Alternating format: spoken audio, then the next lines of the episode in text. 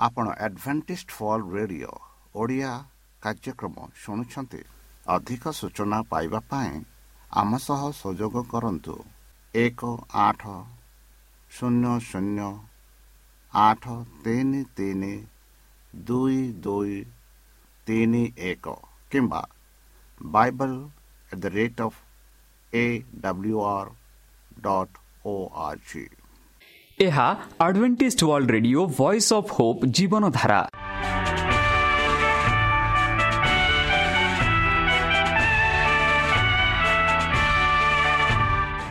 Odia radio କାର୍ଯ୍ୟକ୍ରମ ଯାହା ଆମର ଆନ୍ତର୍ଜାତୀୟ ଆଘାତ କେନ୍ଦ୍ରରୁ ପ୍ରସାରଣ କରାଯାଉଛି ପ୍ରତିଦିନ ରାତି ନଅଟା ତିରିଶ ମିନିଟ୍ରେ। ମୁଁ ସୁବ୍ରତ କୁମାର ପତି ପ୍ରେମର ସହ ଆପଣମାନଙ୍କୁ ଏହି କାର୍ଯ୍ୟକ୍ରମକୁ ସ୍ୱାଗତ କରୁଅଛି। ଚାଲନ୍ତୁ ଆଜିର ତିରିଶ ମିନିଟ୍ର କାର୍ଯ୍ୟକ୍ରମ ବିଷୟରେ ଜାଣିନେବା। ପ୍ରଥମେ ରଖିଛୁ ଆଧ୍ୟାତ୍ମିକ ଭକ୍ତିମୟ ଗୀତ। ଏହାପରେ ଶୁଣିବା ସ୍ୱାସ୍ଥ୍ୟ ବିଷୟରେ ଭକ୍ତଙ୍କଠାରୁ ଜୀବନଦାୟକ ଈଶ୍ୱରଙ୍କ ବାକ୍ୟ। ପ୍ରିୟ ଶ୍ରୋତା ତାହେଲେ ଚାଲନ୍ତୁ ଶୁଣିବା ଏକ ଆଧ୍ୟାତ୍ମିକ ଭକ୍ତିମୟ ଗୀତ।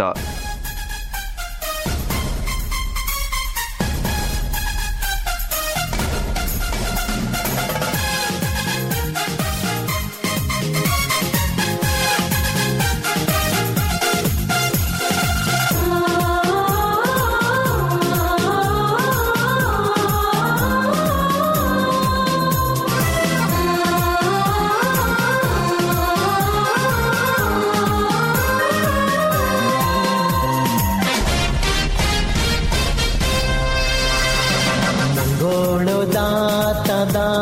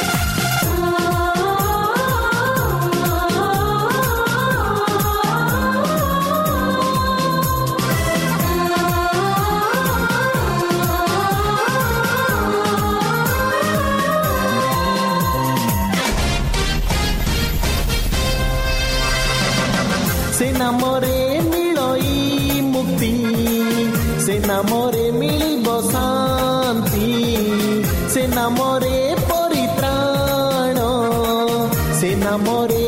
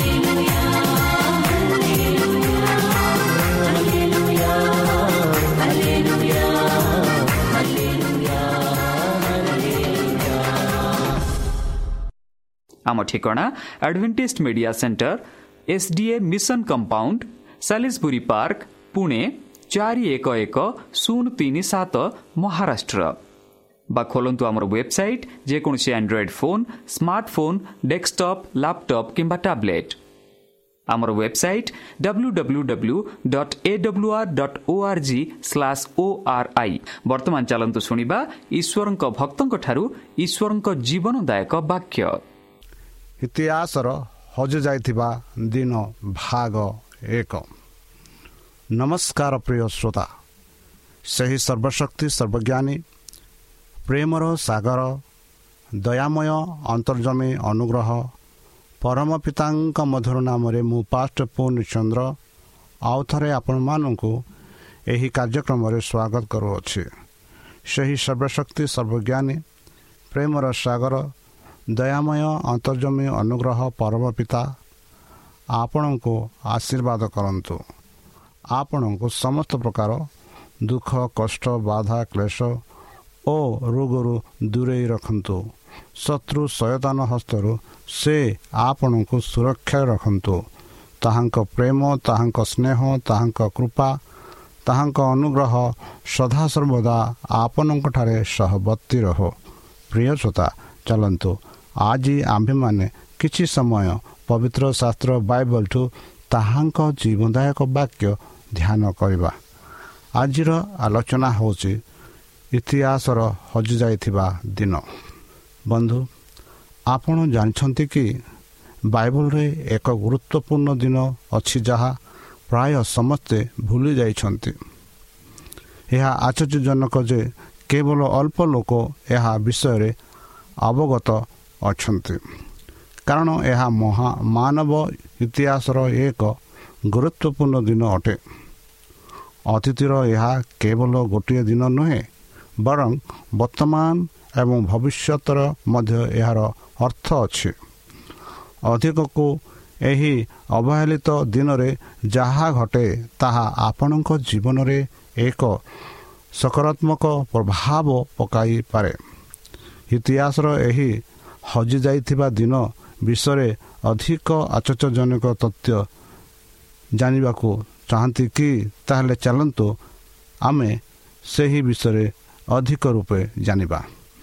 ପ୍ରଶ୍ନ ଏକ ହେଉଛି କେଉଁ ଦିନ ଯୀଶୁ ପାରମ୍ପରିକ ଭାବରେ ଉପାସନା କଲେ?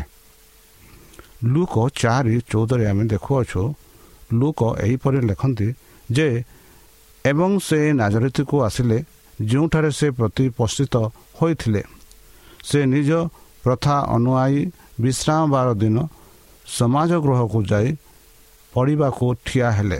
ବନ୍ଧୁ କେଡ଼େ ସୁନ୍ଦର ଭାବରେ ଲୋକ ଯୀଶୁଖ୍ରୀଷ୍ଟଙ୍କ ବିଷୟରେ ବର୍ଣ୍ଣନା କରି ଲେଖନ୍ତି କି ଯୀଶୁଖ୍ରୀଷ୍ଟ ନାଗରିତରେ ବଢ଼ିଲେ ଆଉ ପ୍ରତି ବିଶ୍ରାମ ଦିନରେ ସେ ବିଶ୍ରାମ ଗୃହକୁ ଯାଇ ବାଇବଲ ବା ସେହି ସମୟର ଶାସ୍ତ୍ର ଖୋଲି ପାଠ କଲେ ବୋଲି ଆମେ ଦେଖୁଅଛୁ। ବନ୍ଧୁ ବିଶ୍ରାମ ବାର ଉପାସନା କରିବା ଯୀଶୁଙ୍କ ପ୍ରଥା ଥିଲା। ବିଶ୍ରାମ ବାର ଘୋଷଣା କରିବାର ଯୀଶୁଙ୍କ ପ୍ରଥା ଥିଲା ବୋଲି ଆମେ ଦେଖୁଅଛୁ। କିନ୍ତୁ ଇତିହାସର କେଉଁ ଦିନ ହଜିଯାଇଛି ଯାତ୍ରା ପୁସ୍ତକ କୋଡ଼ିଏ ଦଶ ଯଦି ଆମେ ଦେଖିବା ସପ୍ତମ ଦିନ ହେଉଛି ପ୍ରଭୁ ତୁମର ପରମେଶ୍ୱରଙ୍କ ବିଶ୍ରାମ ଦିନ। ବନ୍ଧୁ କେଉଁ ଦିନ? ସପ୍ତମ ଦିନ। ସେ ସପ୍ତମ ଦିନ ଯଦି ଆମେ ଦେଖିବା ଆମ କ୍ୟାଲେଣ୍ଡର ଯଦି ଆମେ ଦେଖିବା ପ୍ରଥମ ଦିନ ହେଉଛି ରବିବାର ଦ୍ୱିତୀୟ ଦିନ ହେଉଛି ସୋମବାର ତୃତୀୟ ଦିନ ହେଉଛି ମଙ୍ଗଳବାର ଚତୁର୍ଥ ଦିନ ହେଉଛି ବୁଧବାର ପଞ୍ଚମ ଦିନ ହେଉଛି ଗୁରୁବାର ଆଉ ଷଷ୍ଠ ଦିନ ହେଉଛି ଶୁକ୍ରବାର ଆଉ ସପ୍ତମ ଦିନ ହେଉଛି ଶନିବାର। ଆଉ ସେଇ ଶନିବାର ଦିନ ହେଉଛି ବିଶ୍ରାମ ଦିନ ବୋଲି ପବିତ୍ର ଶାସ୍ତ୍ର ବାଇବଲ କହୁଅଛି। ଯାହାକି ଦିନର ନାମ ନ କହି ଦିନର ବିଷୟ କହୁଛି କି ସପ୍ତମ ଦିନ ସେ ସପ୍ତମ ଦିନ ହେଉଛି ପ୍ରଭୁଙ୍କ ପ୍ରଭୁ ତୁମ ପରମେଶ୍ୱରଙ୍କ ବିଶ୍ରାମ ବାର ବୋଲି ଯାତ୍ରା କୋଡ଼ିଏ ଦଶରେ ସଦାପ୍ରଭୁ ପରମେଶ୍ୱରମାନଙ୍କୁ କହୁଅଛନ୍ତି। ଯେତେବେଳେ ବିଶ୍ରାମ ଦିନ ଅତିବାହିତ ହେଲା ଅତି ପ୍ରଭାବରେ ସପ୍ତାହର ପ୍ରଥମ ଦିନରେ ସେମାନେ ସୂର୍ଯ୍ୟ ଉଦୟ ହେବା ପରେ କବରକୁ ଆସିଲେ ମାର୍କ ଷୋହଳ ଏକ ଦୁଇ। ବନ୍ଧୁ ଯେବେ ଯୀଶୁଖ୍ରୀଷ୍ଟକୁ କବରରେ ନେଲେ ବା କବଳରେ ରଖିଲେ ସେଇ ଦିନ ଥିଲା ଶୁକ୍ରବାର ଦିନ। ଆଉ ବିଶ୍ରାମ ଦିନ ଯେପରି ପାଳନ କରିବାର ଅଛି ସେମାନେ ବିଶ୍ରାମ ଦିନ ପାଳନ କଲେ ବୋଲି ଆମେ ଦେଖୁଛୁ। ଆଉ ବିଶ୍ରାମ ଦିନ ଯେତେବେଳେ ବିଶ୍ରାମ ଦିନ ଅତିବାହିତ ହେଲା ମାନେ ଯେତେବେଳେ ବିଶ୍ରାମ ଦିନ ଶେଷ ହେଲା ଆଉ ରବିବାର ଦିନ ଅତି ପ୍ରଭାତରେ ସପ୍ତାହର ପ୍ରଥମ ବୋଲି କହୁଛୁ ରବିବାର ଦିନ ସପ୍ତାହର ପ୍ରଥମ ଦିନରେ ସେମାନେ ସୂର୍ଯ୍ୟ ଉଦୟ ହେବା ପରେ କବରକୁ ଆସିଲେ ବୋଲି ଆମେ ଦେଖୁଛୁ। ମାନେ ବିଶ୍ରାମ ଦିନରେ ସେମାନେ ବିଶ୍ରାମ ନେଲେ ବୋଲି ପବିତ୍ର ଶାସ୍ତ୍ର ଆମକୁ କହୁଅଛି। ଏହି ପ୍ରଶ୍ନର ଉତ୍ତର ଦେବାକୁ ଟିକିଏ ଗୁପ୍ତର କାର୍ଯ୍ୟ ଆବଶ୍ୟକ। ଅନେକ ବିଶ୍ୱାସ କରନ୍ତି ଯେ ବିଶ୍ରାମ ବାର ହେଉଛି ସପ୍ତାହର ପ୍ରଥମ ଦିନ। ରବିବାର। କିନ୍ତୁ ବାଇବଲ ପ୍ରକୃତରେ କିଛି ସେ ବିଶ୍ରାମ ଦିନଟି ହେଉଛି ସପ୍ତାହର ପ୍ରଥମ ଦିନ ପୂର୍ବରୁ। ଶାସ୍ତ୍ର ଅନୁଯାୟୀ ବିଶ୍ରାମ ସପ୍ତାହର ସପ୍ତମ ଦିନ ଅର୍ଥାତ୍ ଶନିବାର ଅଟେ ବୋଲି ପବିତ୍ର ଶାସ୍ତ୍ର ବାଇବଲାମାନଙ୍କୁ କହୁଅଛି। ମାନେ ଦିନର ନାଁ କହୁନି ମାତ୍ର ଦିନ ବିଷୟରେ କହୁଛି କି ସପ୍ତମ ଦିନ ବୋଲି। ଆଉ ଯଦି ଆମେ କ୍ୟାଲେଣ୍ଡର ଦେଖିବା ସେ ସପ୍ତମ ଦିନ ହେଉଛି ଶନିବାର ଦିନ। ବନ୍ଧୁ ବିଶ୍ରାମ କେଉଁଠୁ ଆସିଲା ତାହେଲେ? ଆମେ ବିଶ୍ରାମ ବିଷୟରେ କଥାବାର୍ତ୍ତା କରୁଅଛୁ। ତାହେଲେ ଏଇ ବିଶ୍ରାମ କେଉଁଠୁ ଆସିଲା? ଚାଲନ୍ତୁ। ଯଦି ଆମେ ଦେଖିବା ଆଦି ପୁସ୍ତକ ତାର ଦୁଇ ଏକ ଦୁଇ। ବନ୍ଧୁ ଆରମ୍ଭରେ ଈଶ୍ୱର ଆକାଶ ପୃଥିବୀ ସୃଷ୍ଟି କଲେ। ତାପରେ ପ୍ରତିଦିନରେ ପ୍ରତି ଜିନିଷ ସେ ସୃଷ୍ଟି କଲେ। ଆମେ ଦେଖୁଛୁ କି ଏବଂ ସପ୍ତମ ଦିନକୁ ମଧ୍ୟ ସେ ଏମିତି ପରେ କଲେ। ଏବଂ ସପ୍ତମ ଦିନରେ ଈଶ୍ୱର ଯାହା କରିଥିଲେ ତାହା ଶେଷ କଲେ ଏବଂ ସେ କରିଥିବା ସମସ୍ତ କାର୍ଯ୍ୟରୁ ସପ୍ତମ ଦିନରେ ବିଶ୍ରାମ କଲେ ହେଲେ ଏହି ବିଶ୍ରାମ କାହାଠୁ ଆସିଲା ପରମେଶ୍ୱରଙ୍କ ଠାରୁ ଆସିଲା ଏ ବିଶ୍ରାମ କିଏ ସ୍ଥାପିତ କଲା? ପରମେଶ୍ୱର ସ୍ଥାପିତ କଲା। ଏ ବିଶ୍ରାମ କିଏ ଆରମ୍ଭ କଲା? ପରମେଶ୍ୱର ଆରମ୍ଭ କଲା। ତାପରେ ଈଶ୍ୱର ସପ୍ତମ ଦିନକୁ ଆଶୀର୍ବାଦ କଲେ ଏବଂ ଏହାକୁ ପବିତ୍ର କଲେ। ବନ୍ଧୁ କେଡ଼େ ସୁନ୍ଦର ଭାବରେ ଆମେ ଦେଖୁଅଛୁ କି ପ୍ରଥମ ଦିନରୁ ଷଷ୍ଠ ଦିନକୁ ପରମେଶ୍ୱର ଆଶୀର୍ବାଦ କରିନାହାନ୍ତି ବା ତାକୁ ପବିତ୍ର କରିନାହାନ୍ତି। ପବିତ୍ର ଶାସ୍ତ୍ର ବାଇବଲ ଆମମାନଙ୍କୁ କହୁଛି କି ସପ୍ତମ ଦିନରେ ପରମେଶ୍ୱର ନିଜେ ବିଶ୍ରାମ ନେଲେ ଆଉ ପରମେଶ୍ୱର ତାକୁ ଆଶୀର୍ବାଦ କଲେ ଆଉ ତାକୁ ପବିତ୍ର କଲେ ବୋଲି ପବିତ୍ର ଶାସ୍ତ୍ର ବାଇବଲ ଆମମାନଙ୍କୁ ବୁଝାଇ କହୁଅଛି। ତାହେଲେ ବିଶ୍ରାମ ଦିନ ସଦାପ୍ରଭୁ ପରମେଶ୍ୱରଙ୍କ ଠାରୁ ଆସିଅଛି ମଣିଷ ଠାରୁ ନୁହଁ। ଏହା ପରମେଶ୍ୱରଙ୍କର ଇଚ୍ଛା। ବନ୍ଧୁ ସୃଷ୍ଟି ସମୟରେ ଈଶ୍ୱର ବିଶ୍ରାମ ବାର ତିଆରି କଲେ। ଯେତେବେଳେ ସେ ଜଗତ ସୃଷ୍ଟି କଲେ ସେ ବିଶ୍ରାମ ବାରର ବିଶ୍ରାମ ନେଲେ ଏବଂ ଏହାକୁ ଆଶୀର୍ବାଦ କଲେ ଏବଂ ପବିତ୍ର କଲେ। ଅର୍ଥାତ୍ ସେ ଏହାକୁ ଏକ ପବିତ୍ର ବ୍ୟବହାର ପାଇଁ ପୃଥକ କଲେ ଯାହା ପବିତ୍ର ଶାସ୍ତ୍ର ବାଇବଲ ଆମମାନଙ୍କୁ କହୁଅଛି। ଆଜିକାଲି ଅଧିକାଂଶ ଖ୍ରୀଷ୍ଟିଆନ ମାନେ ଅଛନ୍ତି ଯେଉଁମାନେ କି ଏଇ ଯେଉଁ ବିଶ୍ରାମ ଦିନକୁ ରବିବାର ଦିନରେ ପାଳନ କରନ୍ତି। ମାତ୍ର ଯଦି ଆମେ କ୍ୟାଲେଣ୍ଡର ଯଦି ଦେଖିବା କ୍ୟାଲେଣ୍ଡରରେ ରବିବାର ଦିନ ହେଉଛି ପ୍ରଥମ ଦିନ। ଦେଲେ ପ୍ରଥମ ଦିନରେ ତ ପରମେଶ୍ୱର ମାନଙ୍କୁ ବିଶ୍ରାମ ନେବା ପାଇଁ କହିନାହାନ୍ତି ବରଂ ସପ୍ତମ ଦିନରେ ବିଶ୍ରାମ ନେବା ପାଇଁ କହିଛନ୍ତି ବୋଲି ବିଶ୍ରାମ ବାର ଦିନ ବୋଲି ପବିତ୍ର ଶାସ୍ତ୍ର ବାଇବଲ ମାନଙ୍କୁ ସ୍ପଷ୍ଟ ରୂପେ କହୁଅଛି। ବନ୍ଧୁ ଯଦି କିଛି ଜାଣିବା ପାଇଁ ଇଚ୍ଛା କରୁଛନ୍ତି ତାହେଲେ ଦୟାକରି ଆମ ସହିତ ସାକ୍ଷାତ କରନ୍ତୁ। ଏହା ବିଷୟରେ ଅଧିକ ଜାଣିପାରିବେ। ଦଶ ଆଜ୍ଞାରେ ବିଶ୍ରାମ ବାର ବିଷୟରେ ଈଶ୍ୱରଙ୍କ କ'ଣ କୁହନ୍ତି? ବନ୍ଧୁ ଯଦି ଦଶ ଆଜ୍ଞା ଆମେ ଦେଖିବା ପ୍ରଥମଠୁ ଚଉଦ ପ୍ରଥମଠୁ ଚାରି ଆଜ୍ଞା ଯଦି ଆମେ ଦେଖିବା ଦଶ ଆଜ୍ଞା ଦୁଇଟିରେ ବିଭାଗ ହୋଇଅଛି। ଗୋଟିଏ ପରମେଶ୍ୱରଙ୍କ ପାଇଁ ଆଉ ଗୋଟିଏ ଆମ ଲୋକଙ୍କ ପାଇଁ ପଡ଼ୋଶୀ ଲୋକଙ୍କ ପାଇଁ ଆମ ବନ୍ଧୁବାନ୍ଧବଙ୍କ ପାଇଁ ଆମ ଦେଶ ଲୋକଙ୍କ ପାଇଁ ଏଇଟା ଦିଆଯାଇଅଛି ସେଇ ଦଶ ଆଜ୍ଞାରେ ଆମେ ଦେଖୁଅଛୁ ଏହି ବିଶ୍ରାମ ବାର ଏକ ବିଶେଷ ରୂପରେ ଧ୍ୟାନ ଦିଆଯାଇଛି ଧ୍ୟାନ ଦିଆଯାଇଛି। ଦେଖନ୍ତୁ ଚାଲନ୍ତୁ ଦେଖିବା। ଯାତ୍ରା ପୁସ୍ତକ ତାର କୋଡ଼ିଏ ଆଠରୁ ଏଗାର ଯଦି ଆପଣ ପଢ଼ିବେ ସେଠି ଏହାକୁ କହୁଛି ପରମେଶ୍ୱର ସ୍ପଷ୍ଟ ରୂପେ କହନ୍ତି କି ଏହାକୁ ପବିତ୍ର ରଖିବା ପାଇଁ ବିଶ୍ରାମ ଦିନ ମନେ ରଖ ବୋଲି।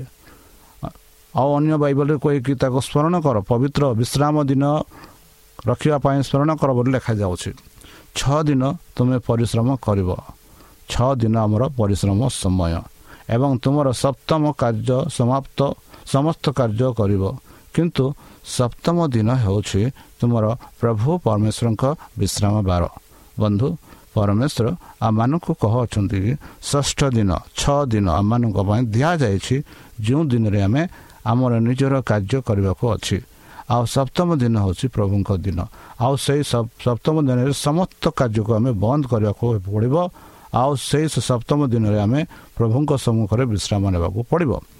ଏଥିରେ ତୁମେ କୌଣସି କାମ କରିବ ନାହିଁ। ତୁମେ ନା ପୁଅ ନା ଝିଅ ନା ତୁମର ଦାସ ନା ତୁମର ସେବକ ନା ତୁମର ଗୁରୁ କିମ୍ବା ତୁମର ଫାଟକ ଭିତରେ ଥିବା ଅପରିଚିତ ବ୍ୟକ୍ତି ମଧ୍ୟ। ମାନେ ଯେତେ ଲୋକ ତୁମ ପରିବାରରେ ଅଛନ୍ତି ଆଉ ସେ ତୁମ ପରିବାରରେ ଯଦି କୌଣସି ବନ୍ଧୁ ବାନ୍ଧବ ବା ବିଦେଶୀ ଆସିଛନ୍ତି ସମସ୍ତେ ସେହି ଦିନରେ ବିଶ୍ରାମ ନେବାକୁ ପଡ଼ିବ ବୋଲି ପବିତ୍ର ଶାସ୍ତ୍ର ବାଇବଲ ଆମମାନଙ୍କୁ ସ୍ପଷ୍ଟ ଭାବରେ ଲେଖା ଲେଖି ମାନେ ସ୍ପଷ୍ଟ ଭାବରେ କହୁଅଛି। ସେ କହନ୍ତି କାହିଁକି କହନ୍ତି? କାରଣ ଛଅ ଦିନ ମଧ୍ୟରେ ପ୍ରଭୁ ଆକାଶ ପୃଥିବୀ ସମୁଦ୍ର ଓ ତନ୍ତସ୍ଥ ସମସ୍ତ ସୃଷ୍ଟି କରି ସପ୍ତମ ଦିନ ବିଶ୍ରାମ କଲେ। ତେଣୁ ପ୍ରଭୁ ବିଶ୍ରାମ ଦିନକୁ ଆଶୀର୍ବାଦ କଲେ ଏବଂ ଏହାକୁ ପବିତ୍ର କଲେ। ବନ୍ଧୁ କେଡ଼େ ସୁନ୍ଦର ଭାବରେ ଏଇ ଯେଉଁ ଦଶ ଆଜ୍ଞାରେ ସେଇ ଯେଉଁ ଚତୁର୍ଥ ଆଜ୍ଞାରେ ମାନଙ୍କୁ ପ୍ରଭୁ ସେହି ବିଶ୍ରାମ ଦିନ ବିଷୟରେ ସ୍ପଷ୍ଟ ରୂପେ ବୁଝାଇ କହୁଛନ୍ତି। ସେ କହନ୍ତି କି ସେହି ଦିନରେ ତୁମେ ନା ତୁମ ପୁଅ ନା ଝିଅ ତୁମର ଦାସ ନା ଦାସୀ ତୁମର ଗୁରୁ କିମ୍ବା ତୁମର ଫାଟକରେ ଯେତେ ଲୋକ ଭିତରେ ଅଛନ୍ତି ସେ ସମସ୍ତେ ବିଶ୍ରାମ ଦିନ ନେବେ ନେବାର ଆବଶ୍ୟକ। କାହିଁକି? ସଦାପ୍ରଭୁ ପରମେଶ୍ୱର ଛଅ ଦିନ ମଧ୍ୟରେ ଆକାଶ ପୃଥିବୀ ସମୁଦ୍ର ଆଉ ଯେତେ କିଛି ଅଛି ଏହି ପୃଥିବୀରେ ସବୁ କିଛି ସେ ସୃଷ୍ଟି କଲେ। ଆଉ ସପ୍ତମ ଦିନରେ ସେ ବିଶ୍ରାମ ନେଲେ।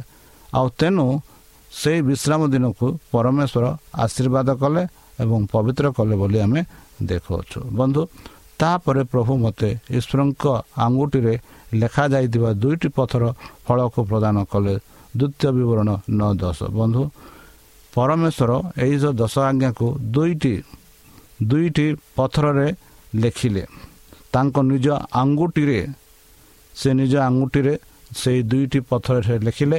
ଲେଖିଲା ପରେ ସେଇ ଯେଉଁ ଦଶ ଆଜ୍ଞା ମଶାକୁ ଦେଲେ ବୋଲି ଆମେ ଦେଖୁଅଛୁ। ବନ୍ଧୁ ଦଶ ଆଜ୍ଞା ଚତୁର୍ଥରେ ଈଶ୍ୱରଙ୍କ ଈଶ୍ୱର କୁହନ୍ତି ଯେ ଆମେ ସପ୍ତମ ଦିନର ବିଶ୍ରାମ ଦିନକୁ ତାଙ୍କର ପବିତ୍ର ଦିନ ଭାବରେ ପାଳନ କରିବା। ଏଥିରୁ ଜଣାପଡ଼େ ଯେ ଈଶ୍ୱର ଜାଣିଥିଲେ ଯେ ଲୋକମାନେ ତାଙ୍କର ବିଶ୍ରାମ ଦିନ ଭୁଲିଯିବେ। ତେଣୁ ସେ ଏହି ଆଦେଶ ମନେ ରଖ ଶୁଦ୍ଧ କରୁ ଆରମ୍ଭ ଆରମ୍ଭରୁ କଲେ। ସେ ଏହିପରି ମନେ ରଖ ବା ସ୍ମରଣ କର ବୋଲି ସେ ଆରମ୍ଭରୁ କହିଲେ। ତାହେଲେ ଦଶ ଆଜ୍ଞା ପରିବର୍ତ୍ତନ ହୋଇନାହିଁ କି? ଯଦି ଏହିପରି କୌଣସି ବ୍ୟକ୍ତି ପ୍ରଶ୍ନ କରେ ତାହେଲେ ଆମର ଉତ୍ତର ହେଉଛି ଏହା ଯାହାକି ପବିତ୍ର ଶାସ୍ତ୍ର ବାଇବଲରେ କହୁଅଛି। ଯାତ୍ରା ପୁସ୍ତକ କୋଡ଼ିଏ ଏକରେ ଆମେ ଦେଖୁଛୁ ଈଶ୍ୱର ଏହି ସମସ୍ତ କଥା କହିଥିଲେ। ଦଶଟି ଆଜ୍ଞା ଯାହାକି ଆମେ ଦେଖୁଛୁ ଅନୁସରଣ କର ବୋଲି। ଈଶ୍ୱର କହିଥିଲେ ମୋର ଚୁକ୍ତି ମୁଁ ଭାଙ୍ଗିବି ନାହିଁ କିମ୍ବା ମୋର ଓଠରୁ ବାହାରିଥିବା ବାକ୍ୟକୁ ପରିବର୍ତ୍ତନ କରିବି ନାହିଁ। ବନ୍ଧୁ ମୋର ଆଜ୍ଞାକୁ ମୁଁ ଭାଙ୍ଗିବି ନାହିଁ। ତାହା ନୁହେଁ ଯେଉଁ କଥା ମୋ ଓଟରୁ ବାହାରକୁ ଆସେ ତାକୁ ମୁଁ ଆଉ ଥରେ ପରିବର୍ତ୍ତନ କରେ ନାହିଁ। ତାହେଲେ ମାନେ ଦଶ ଆଜ୍ଞା ଯିଏକି ପରମେଶ୍ୱର ଆପଣ ନିଜ ଆଙ୍ଗୁଠିରେ ଲେଖିଥିଲେ ସେଇ ଆଜ୍ଞା ଯିଏକି ନିଜେ କହିଥିଲେ ସେଟା କେବେ ହେଲେ ପରିବର୍ତ୍ତନ ହେବ ନାହିଁ। ସେଥିଯୋଗୁଁ ଯୀଶୁ କହିଥିଲେ ଆଇନ ଗୋଟିଏ ଖଣ୍ଡ ବିଫଳ ହେବା ଅପେକ୍ଷା ସ୍ୱର୍ଗ ପୃଥିବୀ ଚାଲିଯିବା ସହଜ ଅଟେ। ମାନେ ସେ ଆଇନର ଗୋଟିଏ ବା ଯେଉଁ ଆମେ କମା କହୁଛୁ ପୂର୍ଣ୍ଣଚ୍ଛେଦ କହୁଛୁ ସେଟା ବି ଯାଇ ଯିବନି ବୋଲି କହୁଅଛନ୍ତି। ବନ୍ଧୁ ପ୍ରକୃତର ଈଶ୍ୱରଙ୍କ କୌଣସି ନୀତି କି ନିୟମ ପରିବର୍ତ୍ତନ ହେବା ଅସମ୍ଭବ ଅଟେ ବନ୍ଧୁ। ସମସ୍ତ ଦୋଷ ଆଜ୍ଞା ଆଜି ମଧ୍ୟ ବାଧ୍ୟତାମୂଳକ ଅଟେ। ଯେପରି ଅନ୍ୟ ନଅଟି ଆଦେଶ ପରିବର୍ତ୍ତନ ହୋଇନାହିଁ କିମ୍ବା ଚତୁର୍ଥ ଆଦେଶ ମଧ୍ୟ ପରିବର୍ତ୍ତନ ହେବ ନାହିଁ। ଚତୁର୍ଥ ଆଜ୍ଞା ମଧ୍ୟ ପରିବର୍ତ୍ତନ ହେବ ନାହିଁ। ବନ୍ଧୁ ପ୍ରେରିତମାନେ ସପ୍ତମ ଦିନରେ ବିଶ୍ରାମ ବାର ପାଳନ କଲେ କି? ଅଧିକାଂଶ ଲୋକେ କହନ୍ତି କି ସାଧୁ ପାଉଲ ଭିତର ଏହି ବିଶ୍ରାମ ଦିନକୁ ପରିବର୍ତ୍ତନ କରିଥିଲେ। ମାତ୍ର ଆମେ ଯଦି ପବିତ୍ର ଶାସ୍ତ୍ର ବାଇବଲ ଯଦି ଦେଖିବା ପବିତ୍ର ଶାସ୍ତ୍ର ବାଇବଲରେ ସେହିପରି କିଛି କହୁନାହିଁ। ବରଂ ପ୍ରେରିତମାନେ ମଧ୍ୟ ସପ୍ତମ ଦିନରେ ବିଶ୍ରାମ ବାର ପାଳନ କଲେ ବୋଲି ଆମେ ଦେଖୁଅଛୁ।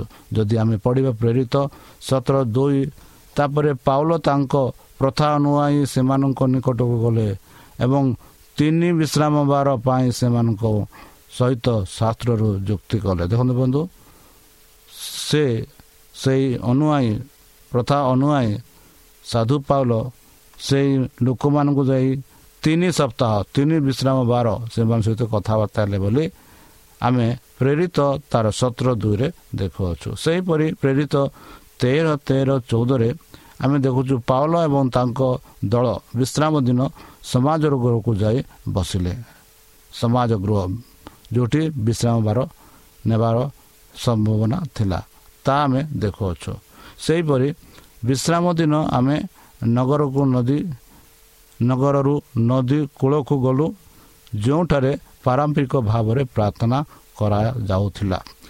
ଏବଂ ଆମ୍ଭେ ସେଠାରେ ବସିଥିବା ମହିଳାମାନଙ୍କ ସହିତ କଥାବାର୍ତ୍ତା ହେଲୁ ପ୍ରେରିତ ଷୋହଳ ତେର।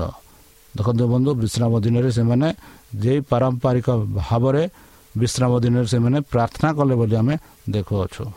ସେହିପରି ପ୍ରେରିତ ଅଠର ଚାରିରେ ବି ଦେଖୁ ପ୍ରତ୍ୟେକ ବିଶ୍ରାମ ବାରର ସମାଜ ଗୃହରେ ଯୁକ୍ତି କଲେ ଏବଂ ଉଭୟ ଜୁଦା ଏବଂ ଗ୍ରୀକ ମାନଙ୍କୁ ପ୍ରବର୍ତ୍ତ ବାହାରିଲେ। ଦେଖନ୍ତୁ ବନ୍ଧୁ ପ୍ରତ୍ୟେକ ବିଶ୍ରାମ ଦିନରେ ପ୍ରତ୍ୟେକ ବିଶ୍ରାମ ଦିନରେ ସେ କ'ଣ କଲେ? ସମାଜ ଗୃହରେ ସେମାନେ ସେ କ'ଣ କଲେ କି? ଯୁକ୍ତି କଲେ। ପରମେଶ୍ୱରଙ୍କ ବିଷୟରେ ସେ କହିଲେ ବୋଲି ଆମେ ଦେଖୁଅଛୁ। ବନ୍ଧୁ ତାହେଲେ ଚାଲନ୍ତୁ। ବିଶ୍ରାମ ଦିନ ପରମେଶ୍ୱରଙ୍କ ଦ୍ୱାରା ପ୍ରଦାନ କରାଯାଇଛି। ଆଉ ସେ ବିଶ୍ରାମ ଦିନକୁ ପରମେଶ୍ୱର ଆଶୀର୍ବାଦ କରିଛନ୍ତି। ଆଉ ପବିତ୍ର କରିଛନ୍ତି। ତାହେଲେ ଚାଲନ୍ତୁ ଯଦି ଆଜିଠୁ ଯଦି ଆମେ ବିଶ୍ରାମ ଦିନ ଛାଡ଼ି ଅନ୍ୟ ଦିନ ଯଦି ଆରାଧନା କରୁଛୁ ମନେ ରଖନ୍ତୁ ପବିତ୍ର ଶାସ୍ତ୍ର ବାଇବଲମାନଙ୍କୁ କହିକି ଯେଉଁ ଆଜ୍ଞା ପରମେଶ୍ୱର ଦେଇଛନ୍ତି କେବେ ହେଲେ ସେ ପରିବର୍ତ୍ତନ କରନ୍ତି ନାହିଁ। ଯଦି ସେ ପରିବର୍ତ୍ତନ କରିନାହାନ୍ତି ତେବେ କାହିଁକି ଆମେ ଅନ୍ୟ ଦିନରେ ଆମେ ବିଶ୍ରାମ ବାର ନେବା? ଯେଉଁ ଦିନରେ ପରମେଶ୍ୱର କହିଛନ୍ତି ସେହି ଦିନରେ ଆମେ ବିଶ୍ରାମ ବାର ବିଶ୍ରାମ ନେବାର ଉଚିତ। ତାହେଲେ ଚାଲନ୍ତୁ ଆଜିଠୁ ଆମେ ଏହିପରି ନିର୍ଣ୍ଣୟ ନେବା କି ବିଶ୍ରାମ ଦିନରେ ଆମେ ସଦାପ୍ରଭୁ ପରମେଶ୍ୱରଙ୍କର ଆରାଧନା କରିବା। ତାହେଲେ ଚାଲନ୍ତୁ ସେହି ସଦାପ୍ରଭୁ ପରମେଶ୍ୱରଙ୍କ ନାମରେ ଆମେ ନିଜେ ସମର୍ପଣ କରି ତାଙ୍କ ଠାରେ ପ୍ରାର୍ଥନା କରିବା। ହେ ଆମମାନଙ୍କ ସର୍ବଶକ୍ତି ସର୍ବଜ୍ଞାନୀ ପ୍ରେମର ସାଗର ଦୟାମୟ ଅନ୍ତର୍ଜମୀ ଅନୁଗ୍ରହ ପରମ ପିତା ଧନ୍ୟବାଦ ଅର୍ପଣ କରୁଅଛୁ। ବର୍ତ୍ତମାନ ଯେଉଁ ବାକ୍ୟ ତୁମ ଭକ୍ତମାନଙ୍କୁ ଶୁଣିଲେ ସେହି ବାକ୍ୟ ଅନୁସାରେ ଏମାନଙ୍କୁ ଚାଲିବା ପାଇଁ ବୁଦ୍ଧିରେ ଜ୍ଞାନରେ ଶକ୍ତିରେ ପରିପୂର୍ଣ୍ଣ କର ଆମ ପାପ ସବୁ ତୁମ ସେହି ବହୁମୂଲ୍ୟ ରକ୍ତରେ ପରିଷ୍କାର ରୂପେ ଧୋଇ ଦିଅ ଆଉ ପରିଶେଷ ଯେବେ ତୁମେ ତୁମ ସେହି ସହସ୍ର ଦୂତଙ୍କ ସହ ଆସିବେ ସେତେବେଳେ ଆମମାନଙ୍କୁ ଏକ ବାସସ୍ଥାନ ଦିଅ ବୋଲି ତ୍ରାଣକର୍ତ୍ତା ପ୍ରଭୁ ଯୀଶୁଙ୍କ ମଧୁରମୟ ନାମରେ ଏହି ଛୋଟ ବିକ୍ଷମ ହେଉଛି ତୁମେ ଗ୍ରହଣ କର ଆମେନ୍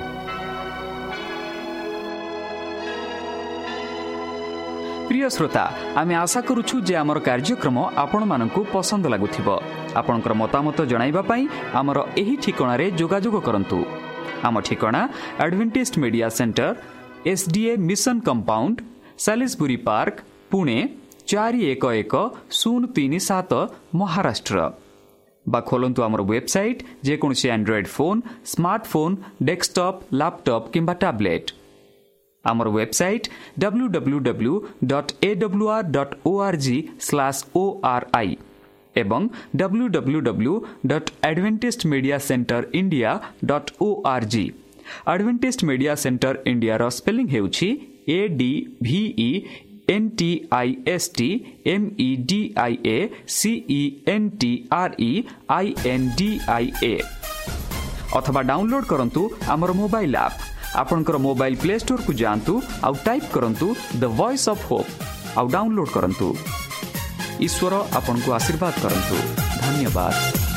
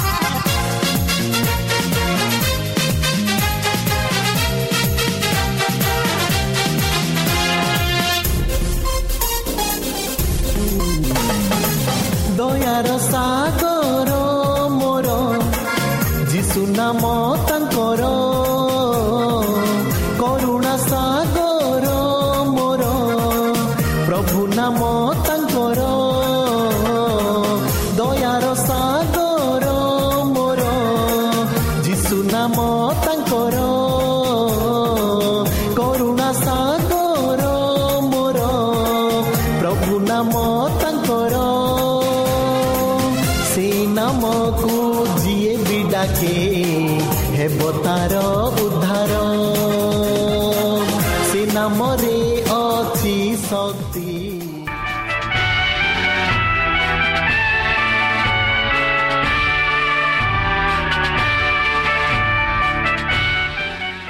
ଆପଣ ଆଡଭେଣ୍ଟିସ୍ଡ ଫଲ୍ ରେଡିଓ ଓଡ଼ିଆ କାର୍ଯ୍ୟକ୍ରମ ଶୁଣୁଛନ୍ତି?